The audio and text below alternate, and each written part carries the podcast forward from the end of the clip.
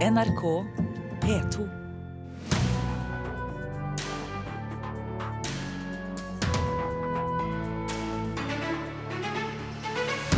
Topplederlønnen ved Den norske opera og ballett har økt med 140 siden de flyttet inn i nytt bygg.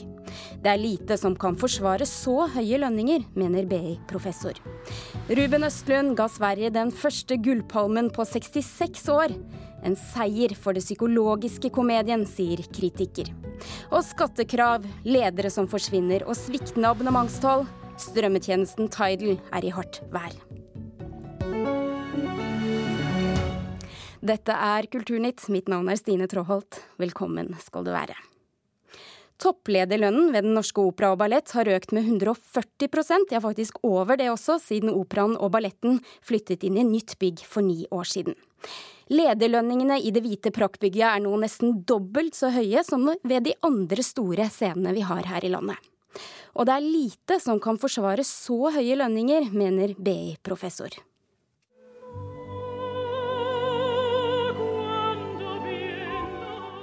På operaens hovedscene spilles for tiden La Bohème.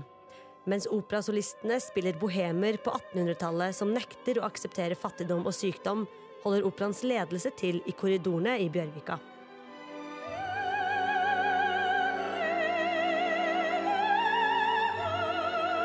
Lederen i operaen er på lønnstoppen blant landets største scenekunstinstitusjoner.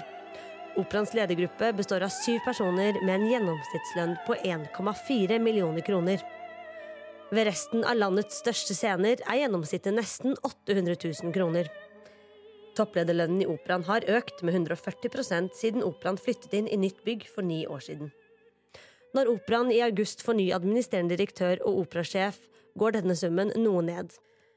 Og professor ved Institutt for ledelse og organisasjon på BI, Jan Ketil Arnulf, mener det er lite som forsvarer at operaen skal ha så høye lønninger. Det er veldig vanskelig å forstå, syns jeg, når jeg leser gjennom det. Det fins tidligere studier av kulturinstitusjoner, berømt studie av Festspillene i Salzburg f.eks., som viser at Festspillene i Salzburg har eh, grovt overdrevne kostnader på skattebetalernes regning. Fordi det er manglende overvåkning av eh, sammenhengen mellom subsidier og hva pengene faktisk blir brukt til der og da. Men er det noe av det man kan se i denne situasjonen også? Ja, er, jeg syns nok det er, det er, tegn som tyder på det. De får fred, da. De får frihet til å berike seg selv. Den norske opera og ballett er landets største scenekunstinstitusjon og får mer enn 611 millioner kroner over statsbudsjettet. Nei, jeg syns det høres ut som nivået er svært høyt, eh, og det er det all mulig grunn til å se nærmere på. Sier Arbeiderpartiets kulturpolitiske talsmann Arild Grande, som mener det må vises moderasjon for lederlønninger i kulturlivet. For Hvis ikke, så er jeg redd for at vi også i denne sektoren ser eh, en karusell som man mister kontrollen på, eh, og det vil være svært uheldig. Grande ber nå kulturministeren ta grep, men administrerende direktør i operaen Nils Are Karstad Lysø forsvarer lønningene. Vi må jo være konkurransedyktige for å få de lederne vi mener er riktige i forhold til de oppgavene vi er satt til å, å løse. Nå er jo ikke Norsk Opera og Ballett verken et teater eller et uh, symfoniorkester. Vi er et operahus. og vi har jo egentlig da på en måte to sceniske kunstformer og et symfoniorkester under ett. Og er jo faktisk større enn de to største teatrene og det største symfoniorkesteret til sammen, både målt ved antall ansatte og egne inntekter. Og reporter i dette innslaget Mari Sand Malm. Statssekretær i Kulturdepartementet Bård Folke Fredriksen skriver i en e-post til NRK at det er Operaens styre som har ansvar for lønnsfastsettelsen i operaen, men han vil understreke viktigheten av å vise moderasjon i fastsettelse av lederlønninger. Kulturkommentator Agnes Moxnes, Lysø argumenterer her med institusjonens størrelse, og at nettopp det må reflekteres i lønnsnivået. Er det et godt argument? Det er iallfall et eh, argument, og Den Norske Opera og Ballett er jo en kjempestor institusjon. Eh, men samtidig så er det en institusjon som sliter økonomisk. Mange sier om den at det er teknisk eh, konkurs. Bl.a. pga. de pensjonsforpliktelsene operaen har. Og det setter selvfølgelig lønna til særlig administrerende direktør i et litt skarpt relieff, eh, syns jeg. Og, hvis man ser på den tidligere operasjefen Bjørn Simensen, som sluttet i 2008, så hadde han en lønn på 800 000 kroner. Og sammenlignet med lønna til dagens administrerende direktør, så er det altså en økning på bortimot 150% Men hvorfor har disse lønningene skutt så ettertrykkelig i været som det har gjort den siste tiden på Den norske opera og ballett? Ja, Det ene kan jo være at det er folk som er flinke til å forhandle lønn her. Men det må også være et styre som er villig til å gi eh, lederne så høye lønninger. Og i tillegg så må det være et eh, departement eh, som vender tommelen opp når man får inn sånne lønnsforespørsler som dette her på, på bordet sitt. Hvorvidt man har et bevisst forhold til det eller ikke, det vet ikke jeg. Men det er klart at akkurat spørsmål om lederlønningene i norske eh, kulturinstitusjoner. Fordi de er så utrolig ujevne. Altså, eh, noen tjener to millioner kroner, andre ligger langt under millionen for lønna. Det er fortsatt ganske høy lønn til å være i kulturlivet, men man er, må gå gjennom, også, eh, gå gjennom og se på om det er det man ønsker. Men er det grunn til å tro at når man har prioritert en stor del av pengesekken til høy lederlønn, så har det gått på bekostning av penger til kunst? Det er man nødt til å regne med, fordi at i regnskapene i eh, alle kulturinstitusjoner, teatre og opera og overalt, det handler om på den ene siden den eh, kassa der pengene til faste utgifter og lønninger ligger. På den andre siden det man har igjen til å drive kunst og kunstformidling med. For oss som publikum og brukere av disse institusjonene, så er det kunsten det handler om. Eh, og da må man i et land som Norge, hvor, hvor, de offentlige pengene går til eh, de store institusjonene, så må man stille seg spørsmålet er det egentlig det man ønsker. Og så vet vi nå at eh, påtroppende operasjef Annelise Miskimmen får litt mindre betalt enn det avtroppende operasjef Per Boje Hansen fikk. Er dette et tegn på at lederlønningene nå begynner å gå ned, da trenden snur? Det kan eh, være det, for også påtroppende administrerende direktør, eh, Geir Bergkaste, han begynner samtidig som den nye operasjefen i begynnelsen av august, altså nå på sensommeren. Han får også litt mindre lønn enn eh, dagens administrerende direktør får. Så det kan være at styret og ledelsen har tenkt seg om og prøver å jevne ut lønna så den nærmer seg et nivå som som ikke er så fjernt fra de andre kulturinstitusjonene. Eh, på den annen side så er det jo interessant å se på lønningene i ledersjiktet i operaen. For der topper gutta. De ligger absolutt på toppen. Mens eh, damene er i et sjikt som nærmer seg bånn. Tusen takk, kulturkommentator Agnes Moxnes. Verdens største og mest kjente filmfestival, filmfestivalen i Cannes, ble avsluttet på tradisjonelt vis med utdelingen av Gullpalmen sent i går kveld. Og det var den svenske regissøren Ruben Østlund som stakk av med den gjeveste prisen. Det var den første svenske gullpalmen på 66 år. Et attribué à le film de Ruben Östlund, The Square. Det var en jublende glad Ruben Østlund som i går kveld mottok årets gullpalme under Cannes-festivalen. Den svenske regissøren ble belønnet for filmen The Square, og det er første gang på 66 år at en svensk regissør vinner gullpalmen. I think my first reaction was, uh, oh my God, uh, this is uh, what, how fantastic. And I, I mean, I hugged uh, the main actor that I've been working with. Um, Dette er fantastisk, sa Østlund etter at han fikk prisen for den svenske satiren. We have been struggling together, and um, it was a very, very happy ending of, of, of that work, of course. Do you not remember them? Yeah, sure, I do, yeah. You know their names? Yeah. Yeah? Mm, sure. Yeah. Always? Always, yeah. yeah. yeah. So what's my name? Østlund har tidligere laget filmer som Turist, De ufrivillige og Play. Og med The Square har han latt seg inspirere av andre regissører som bruker humor i sine filmer. If you look back a little bit, um, then you will see many directors that have been working with satire as a genre. Uh, so maybe the last 10 years or so, a little bit. Uh, but I think like I was very inspired of Holy Motors by Leo Carax, and um, also last year Tony Erdmann, also bringing in a lot of humor. Flere priser ble delt ut i går kveld, og blant annet vant Diane Kruger prisen for beste kvinnelige skuespiller for filmen In the Fade. For a second, I thought I, I heard someone else's name, you know, and then I heard Fatih screaming. So it was kind of a surreal moment, you know. It's um, I'm I'm really touched. I'm very happy tonight. Sie können hier nicht durch. Fahren Sie bitte weiter. Mein Mann hat sein Büro gleich da vorne. Melden Sie sich bei den Kollegen. Hier ist die Nummer. Kruger spiller en kvinne som har mistet både mann og barn i et terrorangrep. We hear about so many attacks these days, and I feel like we never hear about the people that are left behind and, and who have to pick up the pieces and try to go on living. Reporter Mari Sand Malm. Jeg skal få ønske velkommen i studio til Ringe Inger Merete Hobbelstad fra Dagbladet og vår egen eh, Birger Vestmo. Dere har nettopp kommet hjem fra Cannes eh, begge to. Var nattens vinner den riktige, Birger Vestmo? Ja, absolutt. Og det var både gledelig og litt uventa, fordi man så ikke helt for seg at eh, juryen skulle falle for svensk surrealisme, med jurymedlemmer som f.eks. Will Smith. Det er en film som kan være egnet til, til, å dele publikum, og også en eh, jury. Eh, og jeg hadde sett for meg at det, det, var andre filmer i programmet som var enklere å enes om, men eh, heldigvis så har de da falt for The Square. Inger Merete Hobbelstad, du skriver i Dagbladet en seier for den psykologiske komedien. Hva mener du med det? Og jeg var så glad da denne filmen vant. Jeg synes The Square var uh, helt klart høydepunktet i årets filmfestival i Cannes.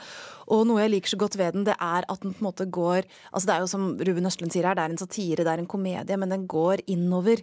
Altså I fjor så gikk jo Gullpalmen til Ken Lauch veldig tydelig til et politisk uh, budskap. Og denne filmen uh, utnytter virkelig filmens potensial til å se nærmere på de mest anspente, litt kleine møtene mellom mennesker. Hva som skjer når vi har masse rare motivasjoner som er litt smålige og litt uh, aggressive, og som vi ikke kan vedkjenne oss. Vi prøver å late som vi snakker om noe annet enn det vi gjør. Han er en utrolig eh, observant, empatisk regissør, og jeg unner ham så veldig denne prisen. Og selv om uh, dere begge er begeistret, da, var, han, var det åpenbart på noen måte? At han skulle ta Gullpalmen? Jeg vil ikke si at det var åpenbart, for det var andre sterke kandidater. Og jeg merker meg at fire av mine fem favoritter i år fikk priser. Så man kunne jo se for seg at den russiske filmen Neljubov, eller Loveless på engelsk, av Andrej Svagintsev, skulle være en het eh, kandidat til uh, Gullpalmen. Den fikk i stedet juryprisen, som er en ja, slags tredjeplass, om man kan si det. Og så hadde jeg trua på den franske filmen 120 slag i min minuttet av Robin Campillo, som eh, også fikk Fipresci-prisen, altså fra internasjonale filmkritikere i forgårs. Eh, den fikk da i stedet Grand Prix, som er eh, sølvmedaljen, kan vi si det, da, i Cannes. Mm. Så alt i alt syns jeg at årets Cannes-jury har vært en av de bedre på lenge, under ledelse av Pedro Almodovar. Svenskene. Det er sjelden vare for dem også dette. Det er første gang på 66 år at de tar med seg en gullpalme hjem. Hva betyr dette for den skandinaviske filmen? Det må jo bare være inspirerende for alle, tenker jeg. også, også for oss her? Ja, ja absolutt. Og mm. det er jo også interessant at altså, apropos det Birger sier her, altså man lurte på om den russiske kunne vinne. Eh, det var litt sånn mumling på Croisetten siste uken eh, om eh, The Square kunne være for skandinavisk til å vinne. Altså at det er noe litt sånn et litt sånn selvpiskende skråblikk i den som ble oppfattet som litt pietistisk og, og rent og skandinavisk, om den kunne nå helt ut. Men det viste seg da at at den da altså eh, gjorde. Uh, og det kan jo være også en inspirasjon til å holde på de særegenheter man har. Da, at det kanskje er nettopp de som når frem og bredt ut. Og For Ruben Østlund så betyr det at nå har han virkelig rykka opp til den øvre divisjonen av uh, europeiske og ja, verdens filmskapere, egentlig. Han kunne jo ha deltatt i hovedkonkurransen med både Turist og Play, som var i sideprogrammet, uh, men nå, nå, er Østlund der, altså. Nå kan vi nok regne med å se han i flere hovedprogrammer når han lager nye filmer. Og selv om vi selvfølgelig skal gratulere svenskene, så må vi snakke litt om oss selv også. Fordi det var ingen norske filmer med i Cannes i år. De siste årene så har Joakim Trier på en måte vært eh, vår mann. Han var også aktuell med en ny film, eller er det i år. Men hva er grunnen til at han ikke nådde opp, Birger? Det er da rett og slett Ruben Østlunds skyld. For eh, det ryktes at eh, Cannes-festivalen har ikke plass til mer enn én nordisk film. De er nødt til å ha et program som kaster blikk til ulike verdenshjørner, og da er Norden et lite sted. Og det ryktes at Thelma av Joakim Trier var litt inn og ut av eh, hovedkonkurransen, og falt til slutt ut. Eh, muligens til fordel for The Square, og når vi ser hvordan det gikk, så var det kanskje en smart avgjørelse. Dere har nå sittet og kost dere med film i nesten to uker. Filmer som vi andre ennå ikke får se. De kommer på kino etter hvert. Men det var jo ikke bare eh, filmene som skapte engasjement, det var måten man nå distribuerer filmer på. Netflix og Amazon Prime førte til buing i salen, særlig fra franske journalister. Hva skjedde, Inger Merete? Du, Det var jo helt utrolig. Det, var jo da, altså det som skjedde, var jo at det var to filmer produsert av strømmegiganten Netflix som i år deltok i hovedkonkurransen. Og under altså den første visningen av, denne, av en av disse filmene, så altså idet eh, Netflix-logoen kom over lerretet, så brøt det altså ut et buekor som kunne minne om eh, amerikanske fengselsopprør. Det var ganske spesielt å sitte i salen. Eh, dette har rett og slett med å gjøre at det er en ganske stor strid om disse filmene skal komme på kino i Frankrike Frankrike eller ikke. Eh, og der er det en lov som sier at hvis filmer er på kino, så må de vente ganske lenge før de kommer på strømmetjeneste. Det er Netflix selvfølgelig ikke interessert i. Og så kommer hele det, eh, den problemstillingen om skal verdens viktigste filmfestival, som belønner nettopp ambisiøse eh, filmer som er laget for det store lerretet, skal de godta at filmene ikke kan sees i formatet de opprinnelig er ment. Så det er på en måte en litt sånn eksistensiell debatt om filmens fremtid.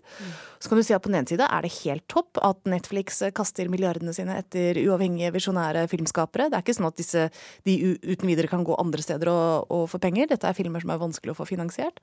Og samtidig så er det jo litt imperialisme i det, ikke sant. Det er litt mm. Netflix som har tatt over flere sjangere, og nå også kommer og på en måte setter flagget sitt på, på kunstfilmen. Vi så det er ikke en umiddelbar lett løsning her. Vi må eh, runde av, og jeg har lyst til å stille deg siste spørsmål, Birger. Det er 70-årsjubileum for Cannes i år. De smykker seg med tittelen 'Verdens viktigste'. Vil de fortsatt også være det? Ja, det er ingenting som tyder på at Cannes-festivalens viktighet er på vei nedover. Det er fremdeles det største møtepunktet for en ny verdensfilm, og det er fremdeles eh, den prisen som henger aller høyest i filmverden, ved siden av Oscar. Så jeg ser ikke for meg at Cannes-festivalen skal bli mindre viktig neste år. Tusen takk, eh, Filmpolitiets Birger Vestmo og Dagbladets Inger Merete Håbelstad. Dette er altså Kulturnytt, og klokka er nå ti på halv ni i Nyhetsmorgen. Her er nyhetsoverskriftene. Nord-Korea skjøt i natt opp det som trolig var et ballistisk missil som styrtet i Japanhavet, ifølge USAs stillehavskommando. Japans statsminister Shinzo Abe fordømmer Nord-Koreas rakettest. Sykling tapte terreng som transportform her i landet tidlig på 90-tallet og til 2014. Særlig barn og unge syklet sjeldnere, bl.a. fordi de oftere ble kjørt av foreldrene, viser ny rapport. Og for tredje natt på rad har det vært branner og bråk på vestlige Oslo.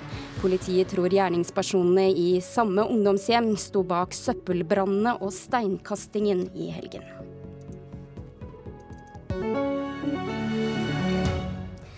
Det stormer rundt den norskutviklede strømmetjenesten Tidal. I helgen så skrev Dagens Næringsliv at Skatt Øst krever selskapet for 14 millioner kroner. Samtidig så ble det kjent at toppsjef Jeff Toig har gått av. Og Tidal de har tapt penger helt siden starten av den kjendisspekkede lanseringen i 2015. And now with that said, I am honored to invite the Tidal to the. Alicia Keys, Beyoncé, Calvin Harris, Chris Martin of Coldplay, Daft Punk, Jack White, Jason Aldean, J. Cole, Jay-Z, Kanye West. Markus eh, Tobiassen, du er journalist i Dagens Næringsliv og har fulgt eh, strømmetjenesten Tidal eh, tett siden 2015. Det er litt av et stjernelag som ble ramset opp her. Man gikk høyt ut under lanseringen. Hvordan ser dette fallet ut nå? Sett i lys av det? Hva skal man si? Det er i hvert fall riktig at man gikk veldig høyt ut. Ehm, det var JC. I tillegg hadde han med seg 15 av musikkens aller, aller største stjerner. Og de gikk ut med en visjon hvor de skulle gi makten tilbake til musikerne. Og ikke minst de skulle gi mer penger til musikerne. Det budskapet ble nok ikke så godt tatt imot verken i mediene eller i offentligheten, som så det som nok et forsøk fra verdens rikeste musikere til å bli enda litt rikere. Og man overvurderte nok også hvor mange abonnenter disse stjernene kunne trekke til tjenesten. Så nå, to år etterpå, så har de vært gjennom tre toppsjefer. Mm. De går en kvart milliard kroner i underskudd, og de har en lang liste ubetalte regninger. Hva er det som er så vanskelig? Det er utrolig vanskelig å drive en strømmetjeneste, det skal eh, sies. Eh, Alle taper penger der. Men eh, konkurrentene har nok også enda dypere lommer enn Tidal har hatt, som til slutt har gjort at Tidal har slitt med å kunne betale på tide. Og i helgen så skrev dere altså om at Skatt Øst, krever nå eh, Tidal for 14 millioner kroner. Hva har skjedd nå? Det vet man lite om, for å være helt ærlig, fordi Skatt Øst de kommenterer ikke enkeltsaker. Så det vi egentlig vet, er at eh, Skatt Øst har et krav mot Tidal på 14 millioner. Så er det mm, sannsynlig Altså, det er bare så mange ting som kan ligge bak et skattekrav. Det kan dreie seg om moms, det kan dreie seg om arbeidsgiveravgift, eller det kan dreie seg om at et av underselskapene faktisk har klart å levere et overskudd og ikke har betalt skatten for det. Men hvilken av disse tilfellene det er snakk om, det vet man faktisk ikke. Hvordan, ser du på, hvordan, hvordan tenker du at fremtiden for Tidal ser ut nå? Jeg tror den beste måten å svare på det er å se på tallenes tale. Ved siste opptelling så hadde Spotify, markedslederen, 50 millioner betalende abonnenter. Apple Music hadde 20. Tidal har ikke kommunisert abonnementstall på over et år. Da sa selskapet at de hadde tre millioner abonnenter. Eller nei, at de hadde tre millioner brukere. Det viste seg i virkeligheten kun være omkring én million abonnenter. De hadde altså blåst opp tallene sine betraktelig. Og de som bruker dette, eh, hvordan merker de det? I liten grad, heldigvis, kan man si. Eh, problemene har først og fremst vært på bakrommet. Uh, Tidal som en tjeneste er fortsatt en flott musikktjeneste og leverer høyere lydkvalitet enn de fleste konkurrentene. JC, da. Han var sterkt inne i, staten, i starten her. Uh, hvilken rolle har han nå? Det er også vanskelig å svare nøyaktig på, men det er ingenting som tyder på at han er spesielt involvert i den daglige driften av Tidal. Og vanskelig spørsmål, men hva må de gjøre? Ja, hva må de gjøre?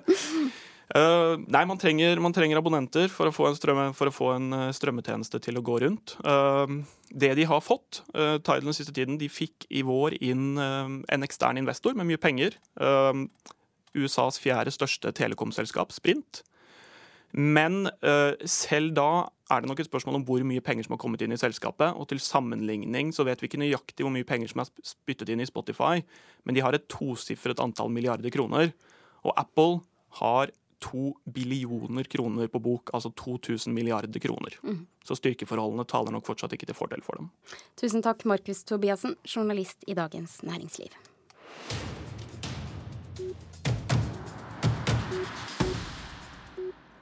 Orange is the New Black er en av Netflix sine mest populære serier, og i fire sesonger så har vi kunnet følge de innsatte og ansatte i et kvinnefengsel. Nå er femte sesong snart premiereklar, og NRKs anmelder Sigurd Vik synes den treffer med både samfunnsbrodd og godt humør. If we want to turn this place right, we have to speak as one united group. Hossein. Orange is the New Black skrur opp aggresjonen, men beholder humøret i en knallgod femte sesong. Det her er virkelig godt serieselskap. Serien har de siste årene på forbilledlig vis klart å rullere på sine hovedpersoner, og har nå utvikla et av de aller beste rollegalleriene blant de amerikanske prestisjeseriene.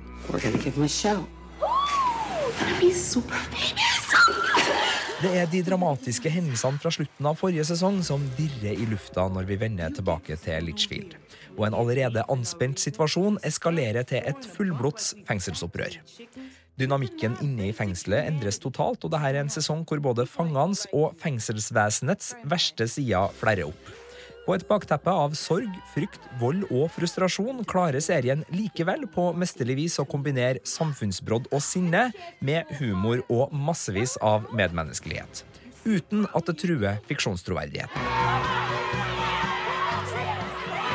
Med så mange kvinnelige hovedpersoner i front får vi rollefigurer, relasjoner, perspektiver og dialoger som nesten ikke eksisterer ellers på amerikansk TV. I en skjermverden hvor den hvite mannen dominerer som normalen i både forgrunn og fokus, er det nødvendig med serier som lar noen andre styre samtalen, og det blir noen fantastisk fine samtaler i Orange is the New Black sesong 5. Vi som elsker Crazy Eyes, får selvfølgelig dosen vår, men det er andre som får ledene denne gangen. Spesielt Maria Ruiz, spilt av Jessica Pimentel, og Tasty Jefferson, spilt av Danielle Brooks, kommer godt under huden på meg i rollefigurer som skinner i møte med massive utfordringer. Tell this woman what we want. We want to be motherfucking taken serious. Hell yeah. Right. Det politiske budskapet om innsattes menneskerettigheter er også tydeligere enn noen gang. Det smaker litt The Wire av måten Orange is the New Black nå virkelig tar på seg oppgaven å overgå journalistikkens begrensninger. Serieskaper Genji Cohan setter sammen et komplekst og grelt samfunnsbilde bygd opp av personlige og ektefølte historier, og hun viser fram hvordan både innsatte og ansatte blir maktesløse i et system styrt av forretningslogikk, fordommer og feighet. No, she's angry. We're all angry. You done our girl wrong, Mr. Caputo. And we want justice. Menneskeligheten fortsetter å boble ut av Litchfield. Dette er en serie som virkelig kan å benytte seg av alle de ulike referansene og personlighetstrekkene en kan dyrke fram når en samler kvinner fra omtrent alle USAs kulturer og samfunnslag og putter det i en trykkoker. Så for dem som er glad i smarte replikker, idiotiske rusmidler, brutale talentshow og hjertevarm rettferdighet, det her fengselsopprøret anbefales. People ain't gonna like you. Story of my life. Og premieren er 9. juni. Du hørte Sigurd Viks anmeldelse. Kulturnytt er over for i dag. Nyhetsmorgen fortsetter. Produsent for Kulturnytt var Vidar Sem. Nå et tips om hva du kan høre i NRK Alltid klassisk senere i dag.